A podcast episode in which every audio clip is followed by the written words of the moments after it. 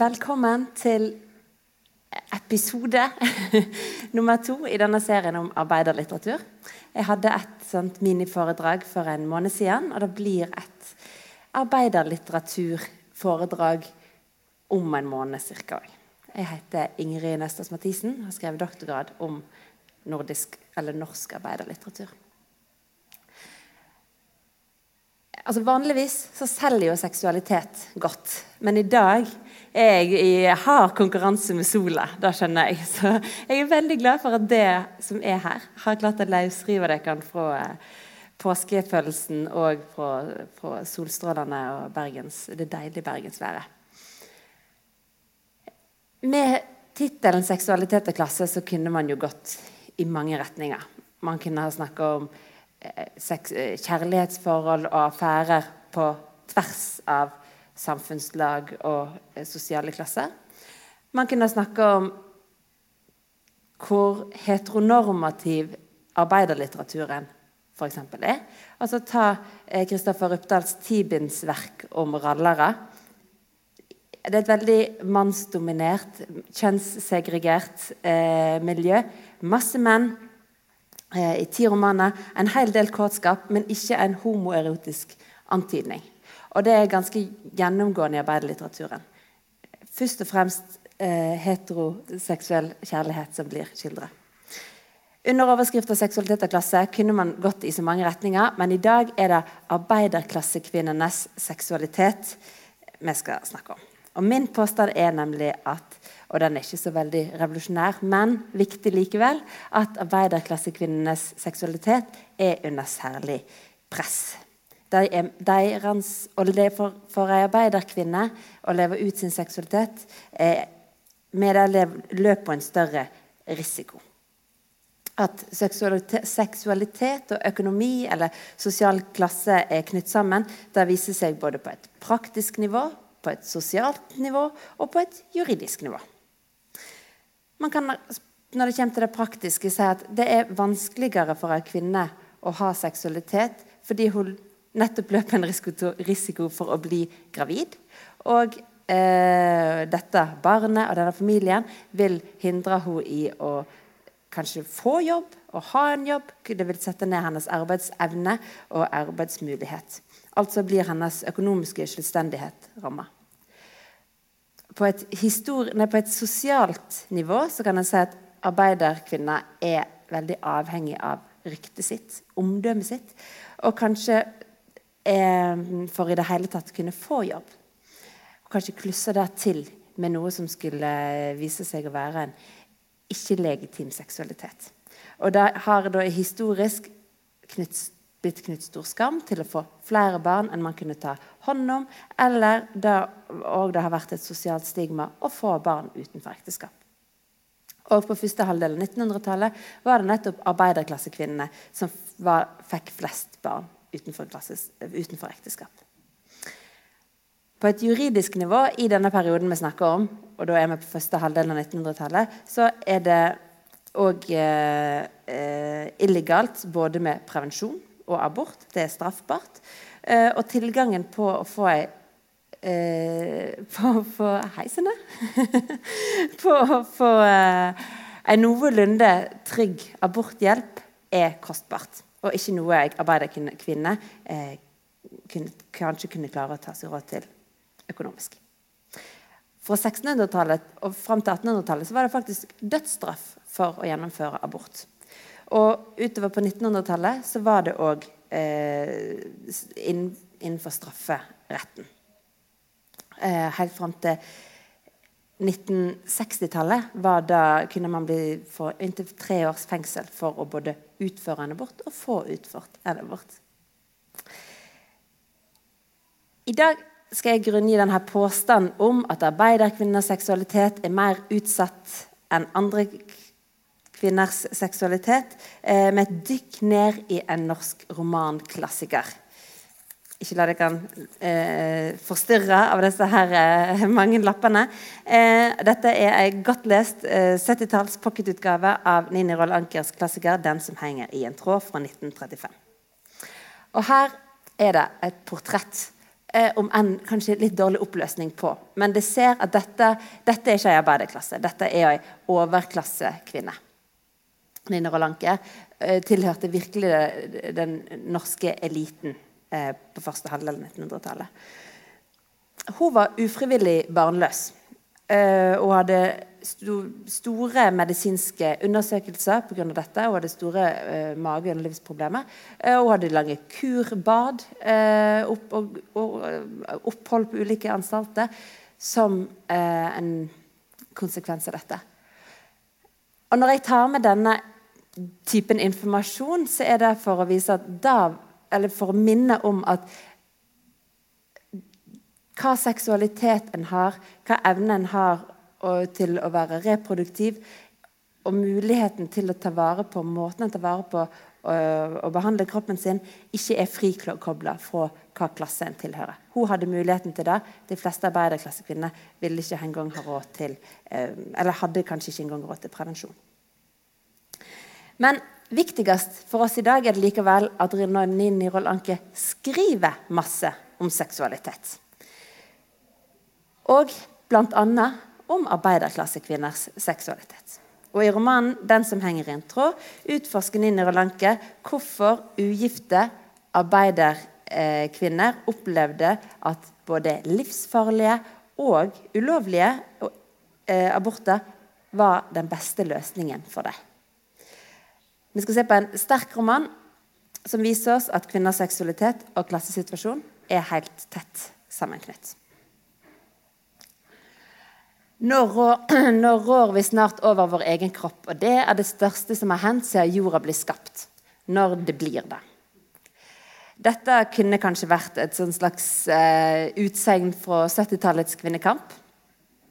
Det kunne kanskje vært uh, eh, for et sånn gjenklang i, eh, i dagens debatt, eh, selv, eh, abortdebatt, der mange mener at selvbestemmelsen er under press. Men dette er et sitat fra ei fabrikkvinne i denne romanen 'Den som henger i en tråd' fra 1935. Og hva vil det egentlig si å bestemme eller å rå over egen kropp?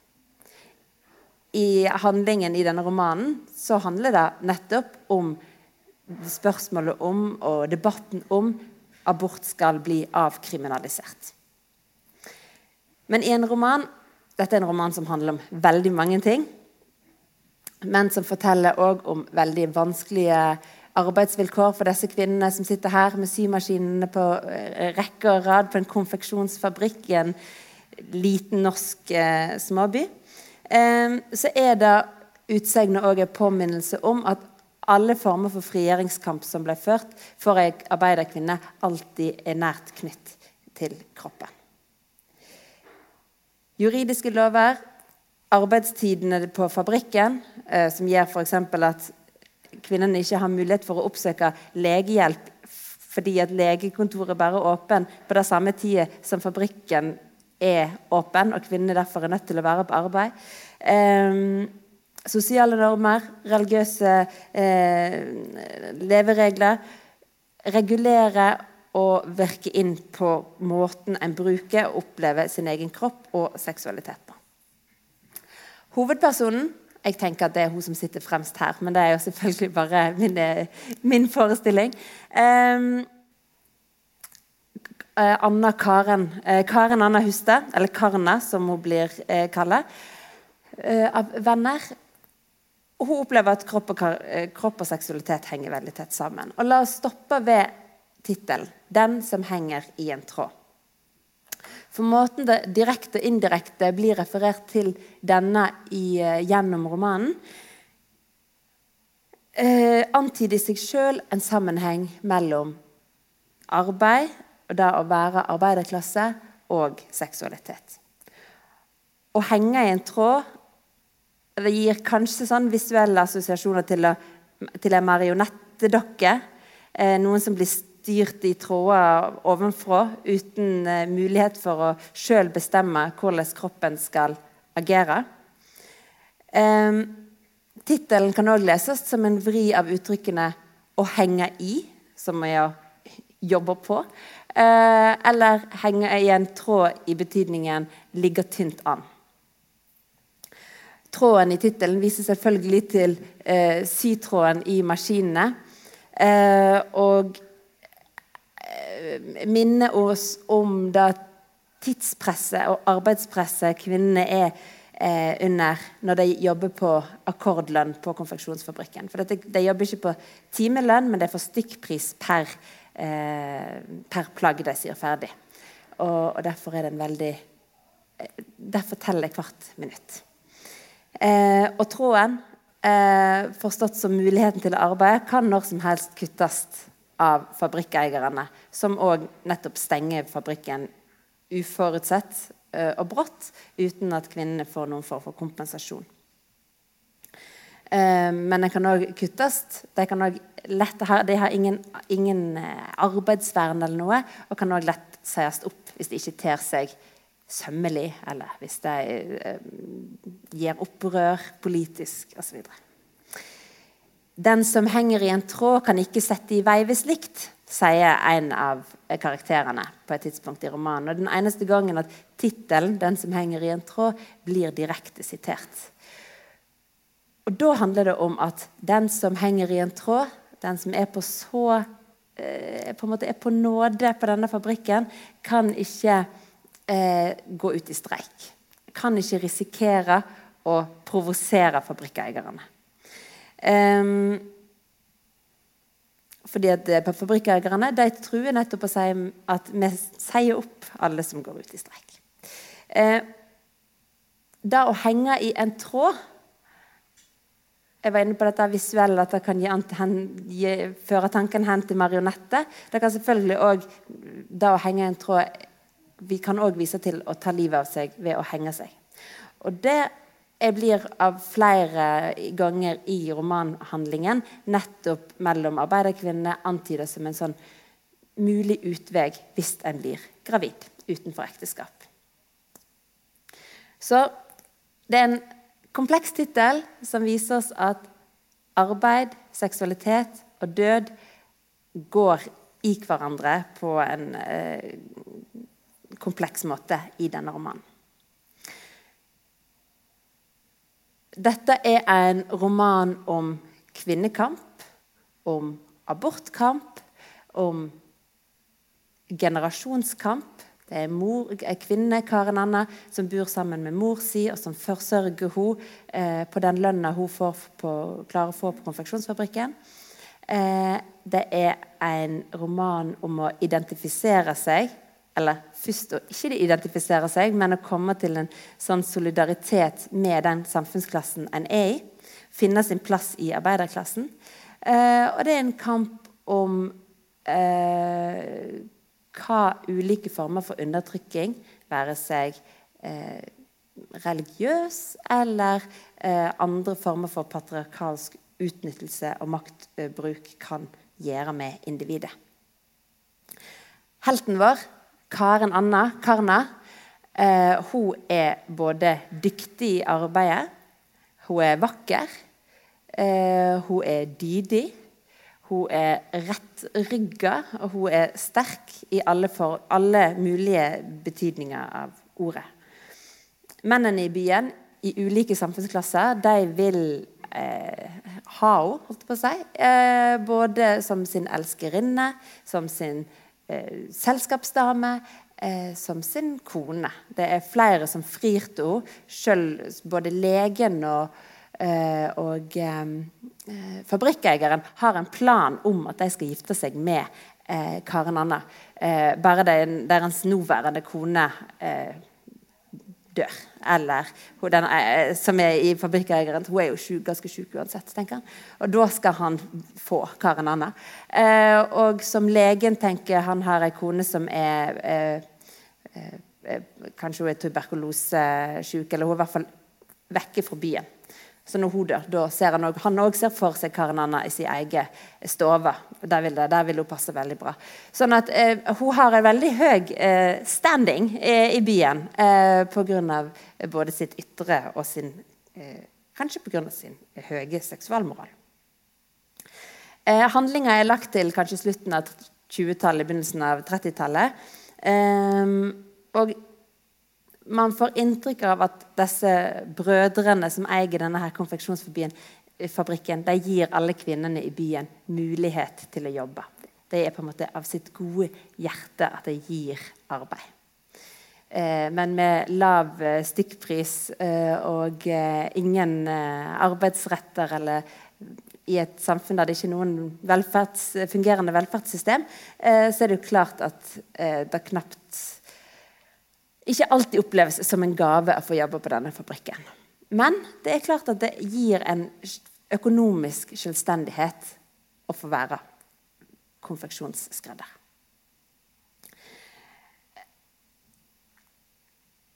Men arbeid, arbeidet er tøft. Det sliter på ryggen. Eh, selv den mest rank, rettrygga karna eh, kjenner at eh, det sliter helt sånn fysisk. At eh, nakken er sliten og ryggen krummer seg, og hun må strekke seg ut på, på benken på kvelden. Kroppene blir utsatt for slitasje, og arbeiderne er svimle og de er slitne, og det tar på både fysisk og psykisk. Det er òg lagt strenge restriksjoner på hvordan arbeiderne, og da disse kvinne, kvinnelige arbeiderne, bruker kvinnekroppene sine. De skal være attraktive, tiltrekkende, pertentlige, sånn som karene er. Men de skal for all del ikke være seksuelle, og i alle fall ikke være gravide. Eller bli gravid. En gravid kropp blir i denne sammenheng nærmest som en arbeidsufør kropp. Um, han vil senke arbeidstempoet. Uh, og den vil til slutt kanskje fjerne kvinner helt fra arbeidet, fordi hun måtte handle om barnet. Det er òg det at den seksuelle kvinnekroppen blir opplevd som uh, farlig og truende i moralsk forstand. Arbeiderkvinnene får oppleve at det å beveger seg utenfor samfunnsnormene eller rammene, eh, straffer seg hardt. Så kvinnenes handlingsrom er under press på ulike måter.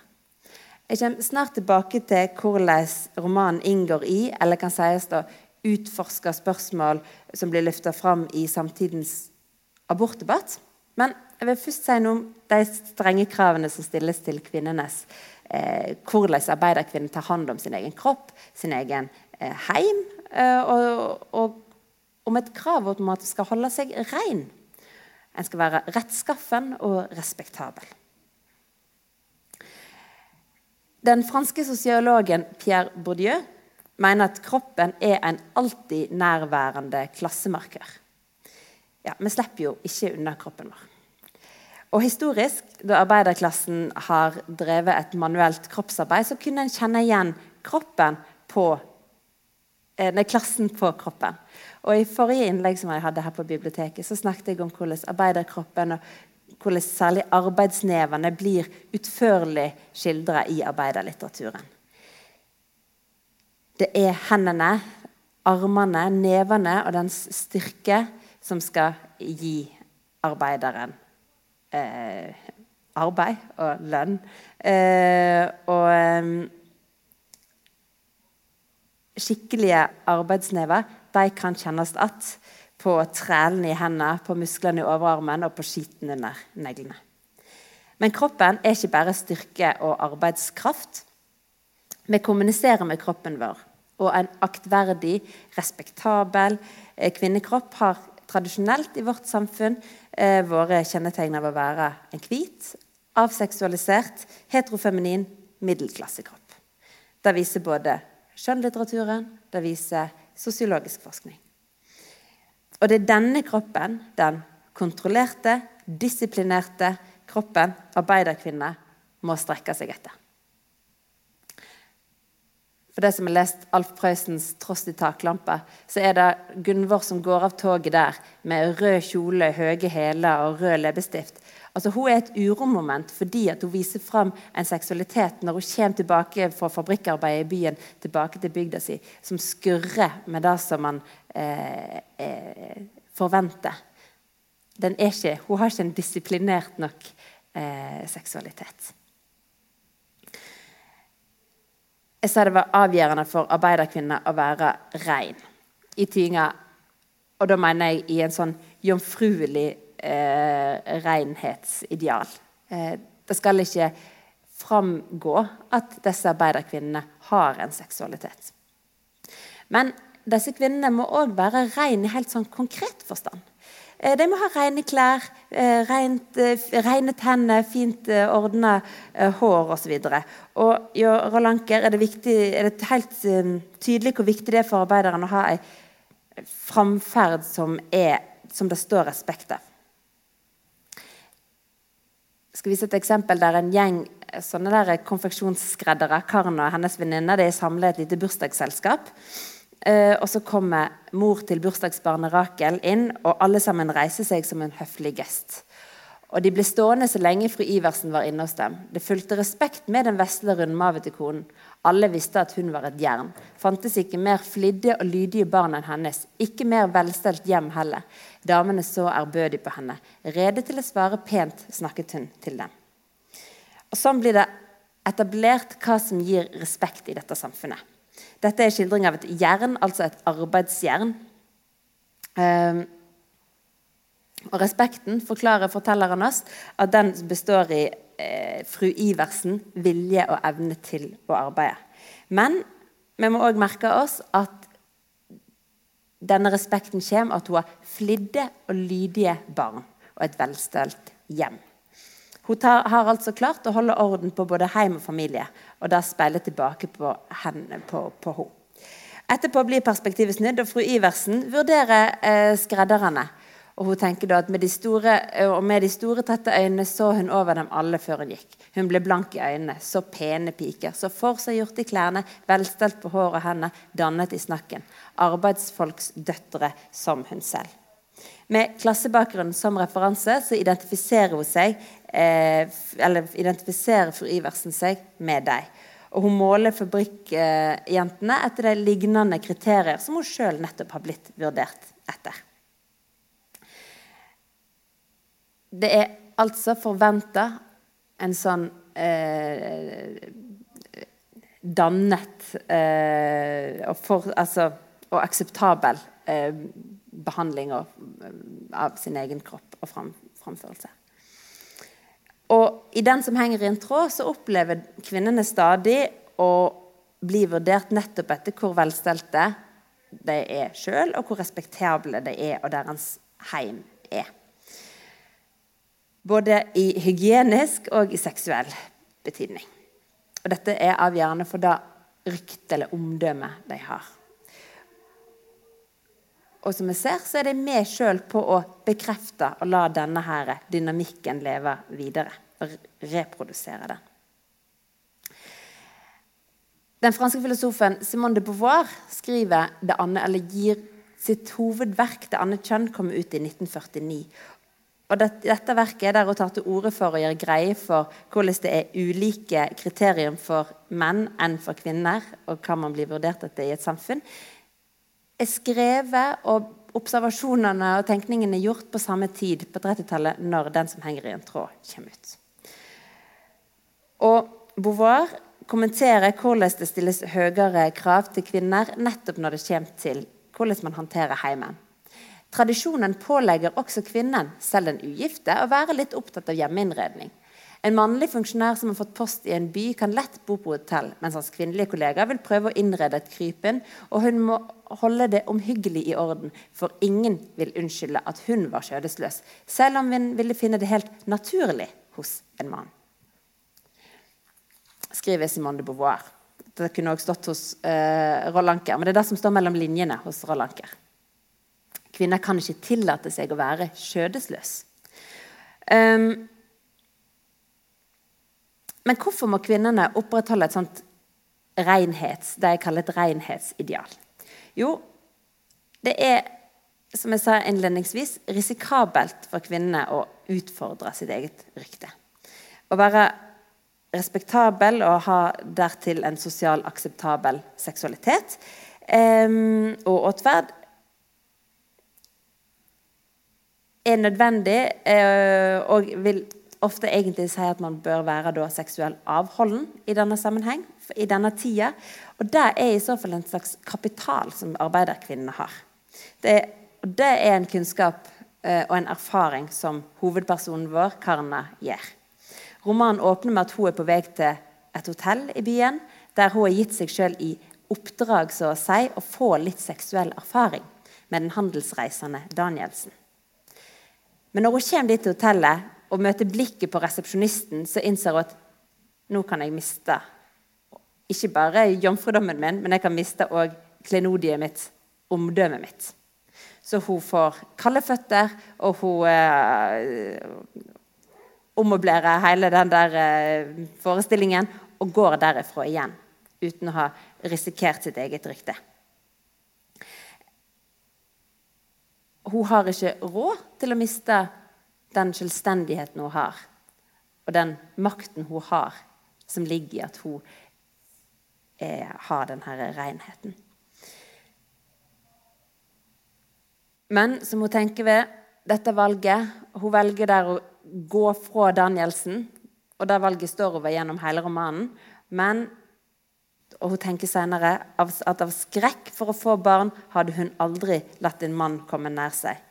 Av lengt etter å få et barn lå hun våken så mang en natt. Så dette avholdet som Karna bestemmer seg for, ser hun som nødvendig, men ikke som et enkeltvalg. Karna er ikke den eneste som velger bort seksualitet i denne romanen. Anker lanserer egentlig det seksuelle avholdet som den tryggeste løsningen for arbeiderkvinnene. Eh, dette må ikke forveksles med at romanen målbærer en moral om at kvinner bør være, ikke ha en aktiv seksualitet. Men det viser fram at arbeiderkvinnene har veldig få aldre alternativ. For konsekvensene for å ha en aktiv, aktiv seksualitet kan være så store. Og at arbeiderkvinnene er i en særlig sårbar posisjon.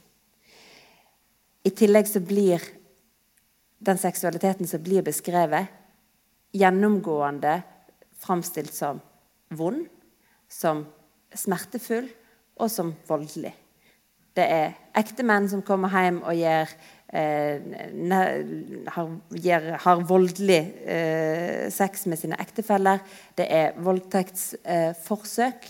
Eh, og så har man selvfølgelig eh, da at det blir noen veldig smertefulle abortbeskrivelser.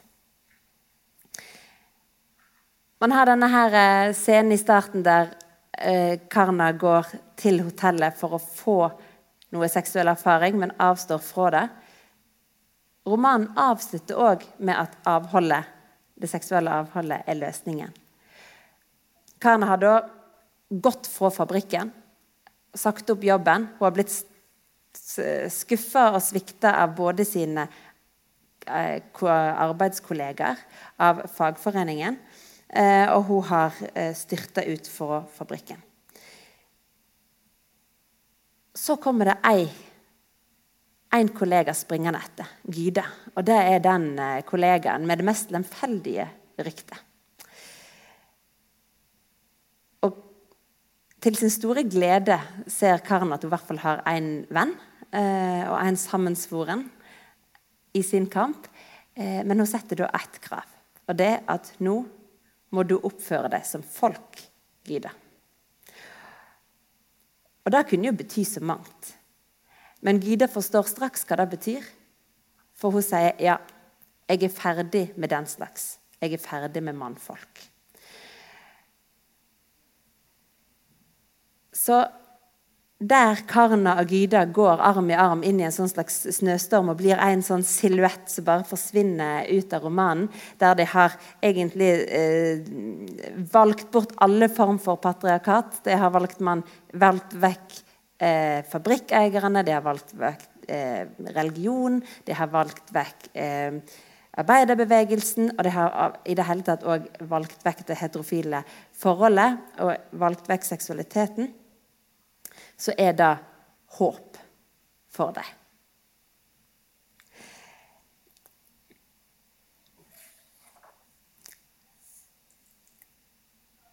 Roald Anker viser med denne romanen at kvinner risikerer mer enn mennene ved å ha et seksualliv.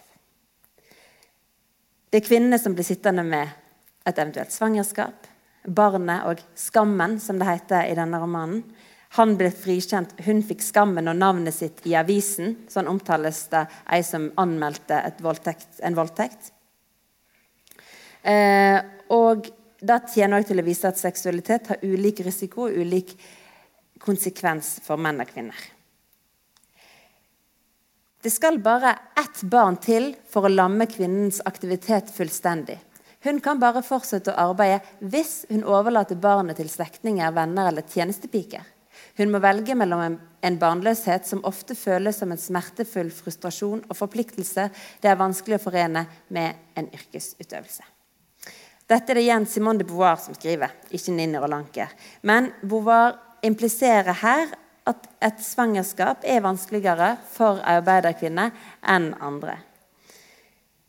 De har selvfølgelig ikke tjenestepiker. Og som vi ser i denne romanen, det er heller ikke alle arbeiderkvinner som har en familie som vil kunne stille opp og ta seg av et uekte barn, eller et såkalt uekte barn, fordi at skammen knyttet der vil være for stor. Eller ikke har økonomi til det.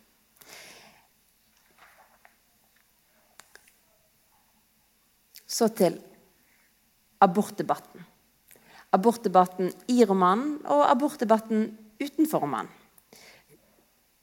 Men den som henger i en tråd, er ikke et, en kamproman for abort i seg sjøl. Den viser ikke fram abort som en god løsning. Men Rolanker synliggjør hva konsekvenser det er av et samfunn der eh, abort er ulovlig og hvorfor det blir opplevd som nærmest umulig for arbeiderkvinner å få barn utenfor ekteskap. Gjennom framstilling av arbeiderkvinnenes seksualitet og kropp bekrefter romanen at det er nødvendig å forstå seksualitet og klasse i sammenheng. Men hva er ståa i ordskiftet om seksualitet i Norge i første del av 1900-tallet? Jo, det snakkes om familieplanlegging, om barnelover, om mødrelønn og om avkriminalisering av abort.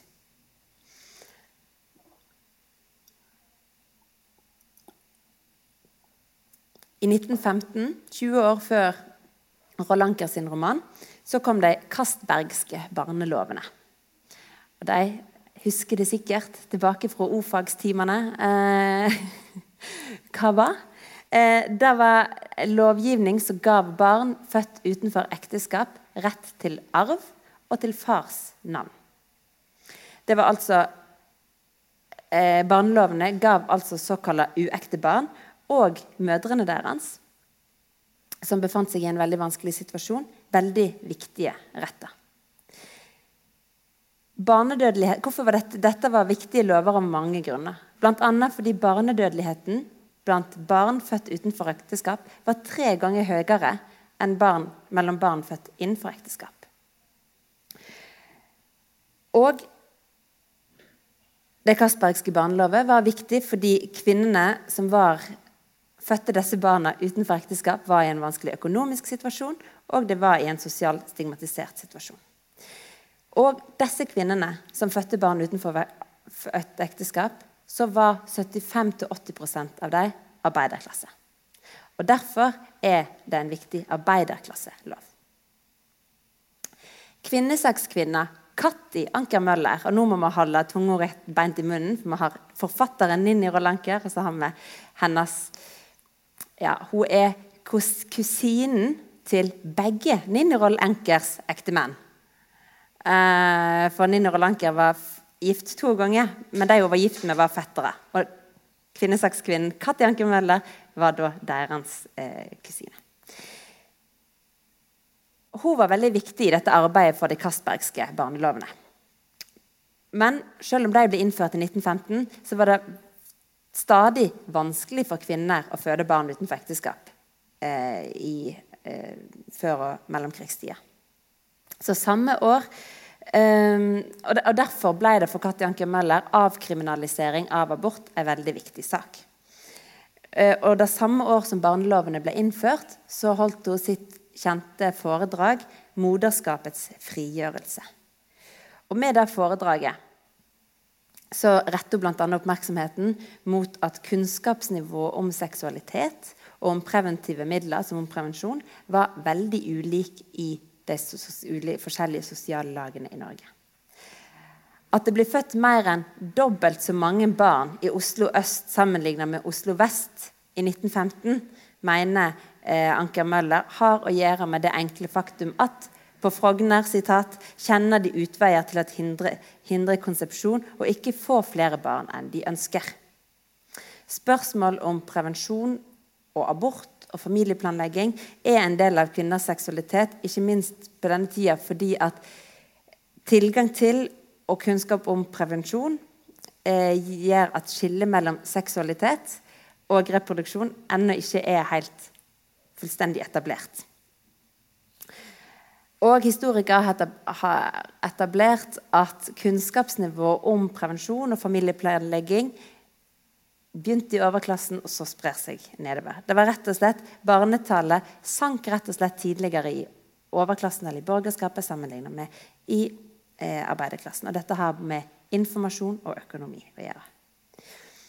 I arbeidertidsskriftet Kvinnen så kunne en lese at redaksjon, reduksjon av barnetallet var viktig for at arbeiderklassens økonomiske og kulturelle nivå skulle kunne heves og det var nødvendig for den klassekampen som skulle føres. Det er et ganske tydelig eh, tegn på hvordan familieplanleggingen vurderes som en del av klassekampen. Liten kunnskap og informasjon om prevensjon og samt eh, at abort er illegalt, rammer arbeiderklassen hardest. Det er Katti Anker Møller helt klar på. Arbeiderkonen som lever under dårlige økonomiske tilstand, blir, tilstander, blir henvist til en farlig og forsmedelig svangerskapsavbrytelse, hvorved hun setter sitt liv på spill og kan føre sin familie med en flokk hjelpeløse barn inn i elendighet og nød. For den ugifte mor gjelder disse vanskeligheter i en enda høyere grad. Et barns fødsel truer med at undergrave selv hennes økonomiske eksistens, og den betyr dessuten en degrasjon i hennes sosiale stilling for livstid. Katjanka Møller slår fast at seksualitet og kunnskap om og regulering av seksualitet er et klassespørsmål. I 1919 så fremmer Katjanka Møller forslag om mødrelønn, som òg går inn i dette her feltet. og Det er forløperen til det som skal bli barnetrygd. Og Det er jo en ordning som fremdeles i dag av samme mener at vil være en ordning som kan utjevne nettopp sosiale forskjeller mellom barnefamilier. Nini Rolanker støtter Katti Anker Møllers arbeid.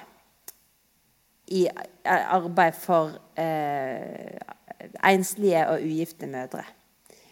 Og, for, og det gjorde hun både konkret i sitt nærmiljø, i et sosialt arbeid når hun eh, bodde nær eh, arbeids, arbeidermiljø, og hun gjorde det i sitt nabolag når hun bodde Eh, på volden i Asker. Når, skriver, når Ninni Rolanker skriver sine fortellinger på begynnelsen av 1900-tallet og gir ut en samling i 1906 der handlinger er lagt til arbeidermiljø, så er ikke abort et kjent eller Da er ikke det et alternativ. Så når der, men likevel er det flere der i disse fortellingene òg som blir eh, ja, dels ufrivillig gravid og gravid utenfor ekteskap. Og for dem er det om de mister jobben eller de tar sitt eget liv.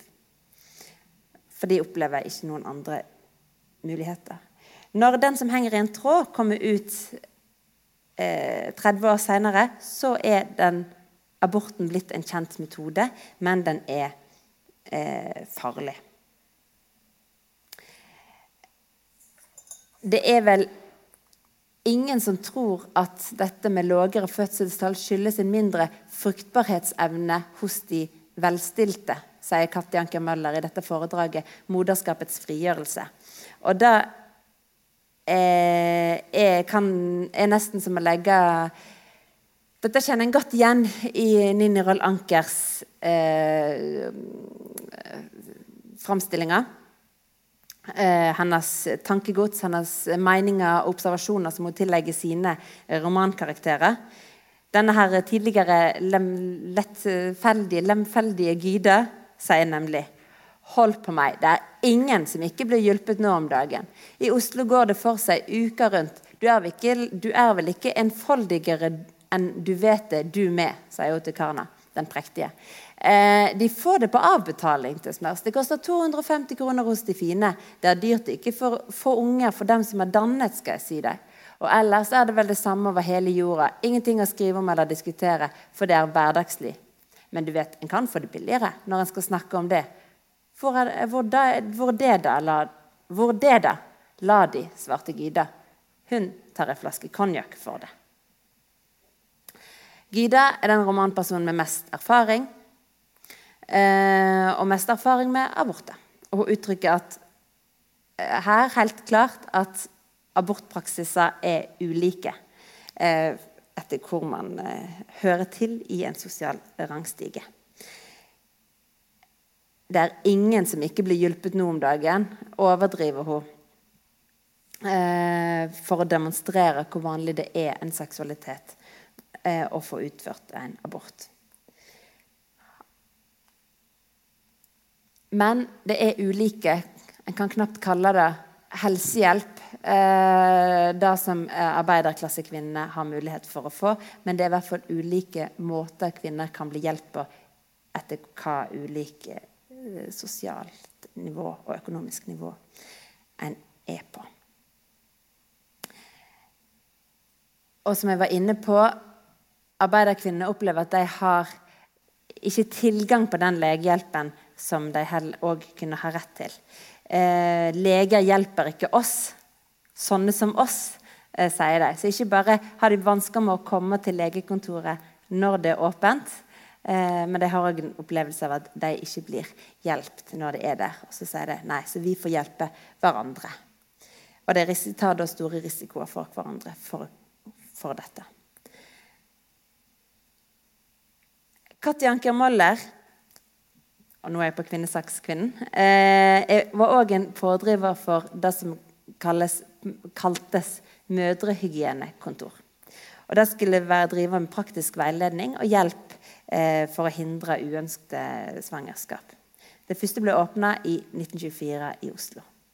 I 1931 gir Mødrehygienekontoret ut et hefte der det gjengir en rekke brev som de får med, med spørsmål om hjelp.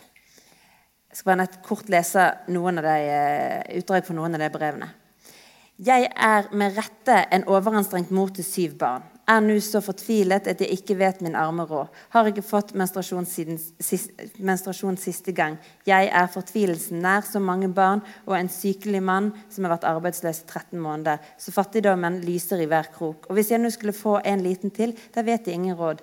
Likeledes har alle mine barn litt av engelsk syke og har ikke kunnet gå før de har vært bortimot treårsalderen. Ei anna skriver at jeg, da jeg er 41 års alder og arbeiderhustru, har ti barn, så orker jeg snart ikke lenger, da det er så vanskelig å være mor til så mange på knappe kår, da alt er dyrt. Jeg skriver at jeg ble gift da jeg var 18, fikk jeg det første barnet jeg var 19, nå er jeg 36, og på den tiden har jeg hatt 11 barn. Den minste er nå én måned gammel. Jeg syns det ville være grusomt om jeg nå skulle bli med barn igjen. Det er mange brev, og en siste hun skriver nå har jeg fått fire barn og to aborter. Den minste er ni måneder, og da lå jeg syk i fire måneder i blodpropp og årebetennelse hver gang. Hadde vært kluss med meg og lider av nyresyke. Nå er jeg en og en halv måned på vei igjen, så jeg er aldeles fortvilet. Men kan ikke da en lege forløse det igjen, da? Unnskyld at jeg spør. Brevet viser at kunnskapen om prevensjon er lav. Muligheten for å få hjelp er helt fraværende. Disse kvinnene vil ikke kunne bli hjelp, for på dette tidspunktet så feller all abortpraksis inn under eh, straffelov paragraf 245.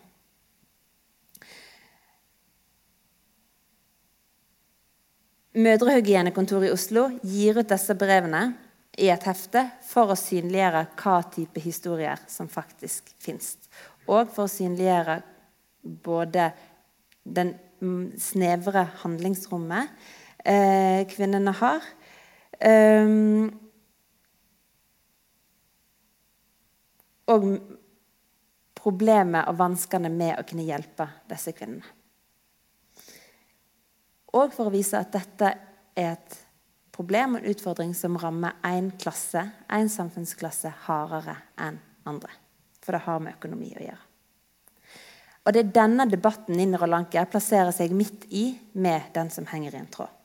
Og i spørsmål om kvinners kroppslige råderett, at den er spesielt prekær for arbeiderkvinnene. Det er Ninni Rolanker som utstyrer sine karakterer med kunnskap om og engasjement i denne saken.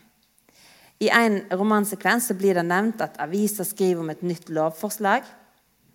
Og En annen plass heter det at nå kommer det en kvinnelig lege til arbeidersamfunnet. Og hun skal agitere for at, og fortelle om at eh, retten leger ønsker å få til å kunne eh, hindre barnefødsler. Mellom kvinnene er det diskusjon, og dette blir innledd med nettopp Birgittes friske ord. Det skal bli slutt, altså barnefødsler, for den som ikke vil. Nå rår vi snart over vår egen kropp, og det er det største som har hendt siden jorda har blitt skapt. Men kvinnene er ikke enige om dette.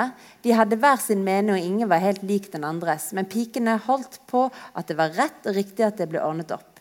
Alle hadde sitt å fortelle om ulykkelige hendinger, om kvinner som skulle vært hjulpet, hjulpet før de kom i elendigheten.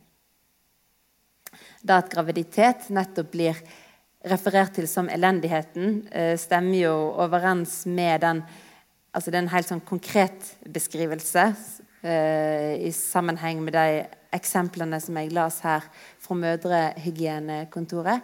Eh, og òg sånne språklige konstruksjoner som å havne i ulykke, eh, som òg har gått inn i språket vårt. Eh, å vise den grunnleggende krisesituasjonen en graviditet kan være for ei kvinne. I spesifikke historiske og sosiale situasjoner. Men Birgitte, hun som har tro på at kvinner snart skal få råd over sin egen kropp, hun argumenterer for at Kvinner, enslige så vel som gifte, har rett på en seksualitet. Og nå ville hun spørre hvorfor en selververvende pike som tjente 1000 kroner året eller mer, skulle gå bort og gi det opp for en mann som kanskje tjente 2000 og skaffet henne en bråte med unger. Var det rart om hun betenkte seg? Men skulle en slik dame være, være nødt til å leve som en eremitt all sin dag? spør Birgitte. I 1935 er det forslag, samme året som den som henger i en tre kommer ut, er det eh, oppe et forslag om å tillate abort på sosialt så vel som på medisinsk grunnlag. Og Dette handler om nettopp å avkriminalisere abort, sånn som Katti Anker Møller tok til orde for når hun mente at straffa for abort skulle oppheves. Men Arbeiderpartiets kvinneforbund sitt ønske om en liberal abortlovgivning måtte vike av omsyn til et kriseforlik med Bondepartiet i 1935, som sikrer Arbeiderpartiet regjeringsmakt. Så det er altså ikke noe nytt da at eh, spørsmålet om abort blir brukt i en sånn regjeringsforhandlingskabal og maktspørsmål. Og òg i 1930 så var man urolig og dypt bekymra for at eh, det var synkende fødselstall i Norge. Og da har jo òg gjenklang i noe som våre ledere nå er bekymra for. Som jeg sa, Dette er den historiske ramma som Roll Anker plasserer seksualitetsdebatten og abortdebatten i sin roman i. Og etter dette så skjer det som det helt sikkert kjenner til, eh, men jeg kan minne om at det er ikke før 1956 at et nytt lovforslag om abortlov blir fremma. Og det er da på sosialt og medisinsk grunnlag. Det blir, et, lov som kommer gjennom, men den trer i kraft fra midten av 60-tallet.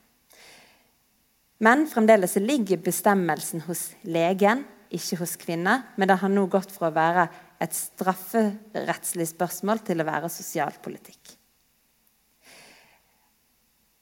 Men retten til selvbestemming, som legen Tove Mor, dattera faktisk til Katti Anker Møller, eh, lanserte, blir først vedtatt i Norge i 1978. Og da med ei stemmes margin i Stortinget. Tilbake til romanhandlinga, så er det ei eh, Er det denne kvinna, Rakel, som blir gjort gravid av en mann som stikker derifra. Kanskje har denne mannen, Edvin Wold, som Edvin Wold eh, egentlig bare hatt en affære med denne Rakel for å gjøre Karna sjalu. For han ville, som alle andre menn i denne byen, egentlig ha Karna. Men Rakel sitter der med et knust hjerte og eh, et barn i magen. Og foreldre som hun vet aldri vil akseptere at hun bærer fram et barn utenfor ekteskap denne prektige fru Iversen som jeg viste dere i starten. Og Karna gjør jo sin research og finner ut at det er for eh, to og en halv flaske konjakk en kan få hjelp eh, til dette. Og blir med Rakel til Ladi. Og denne aborten setter spor i både Karna og Rakel. Og måten de takler denne situasjonen på, som er veldig ulik, men det oppstår en avstand mellom dem. Rakel hun blir dypt religiøs. Eh, og det kan se ut som er hennes måte å forsone seg med det som hun har gjort. Eh, og uten at de andre kvinnene på fabrikken vet hva hun har gjennomgått, så omtaler de henne som forandra, som skjør, eh, og som aldri den samme. Orakels undergang har paralleller til andre tilsvarende abortbeskrivelser i norsk litteratur for samme periode. Man har eh, Kåra Sandels eh, abortfortelling i, i Alberte-trilogien, der Liesel, eh, venninna til hovedpersonen, og eh, blir en sånn skjør versjon av 'Aldri blir den samme'. Og, og det samme skjer i Torborg Nedraas roman 'Av måneskinn gror det ingenting' som kommer ut omtrent ti år etterpå. Hun kan vel knapt kalles skjør, men at eh, det er en erfaring som det blir vanskelig for hovedpersonen å leve med. Og alle disse tre forfatterne tar opp problem om at abort og fattigdom, og viser at de, eh, disse erfaringene setter spor både i den som får aborten utført, og i de som er nært på den som får den utført. Sånn som Karna eller Alberte. Det er Alberte, ikke Rakel, som blir sengeliggende i tida etterpå fordi at opplevelsen har vært så sterk. For meg er det viktig avslutningsvis å si at Nini Roll Anker ikke skriver en kamproman for abort. Abort er ikke en god løsning. Ikke for Rakel og ikke for Karne. Men Roll Anker får fram hva ekstremt sårbar situasjon ei kvinne som, rak, eh, som vurderer abort, står i. Hva personlige eh, omkostning en sånn erfaring har for alle involverte. Og I tillegg til å se på konsekvensene av at abort er ulovlig, spør Roll Anker hva med den som henger i tråd, hvorfor rett til abort er nødvendig. Hvorfor opplever Rakel det som tvingende nødvendig å gjennomføre noe livsfarlig og straffbart for å avslutte svangerskapet? Hvorfor er det den eneste utveien? Hva sier det om det samfunnet eh, man lever i? Hva sier det om samfunnets sosiale, juridiske, moralske og praktiske løsninger når abort er den beste løsningen?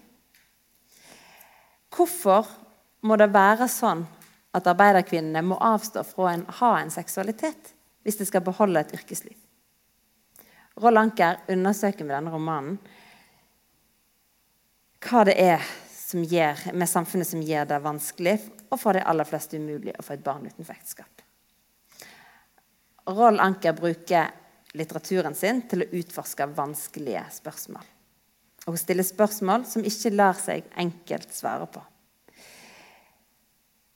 Hun viser fram sider ved en tematikk som er tabubelagt og underkommunisert, kanskje. Og hun får leseren, kanskje, til å se verden på verden og samfunnet og til og med mennesket på en litt ny måte. Nettopp sånn som god kunst skal gjøre. Og med det sier jeg gå og nyt sola. eh, og så håper jeg at eh, det regner litt mer om en måned. Og da skal jeg snakke om den nye arbeiderlitteraturen. Takk for meg.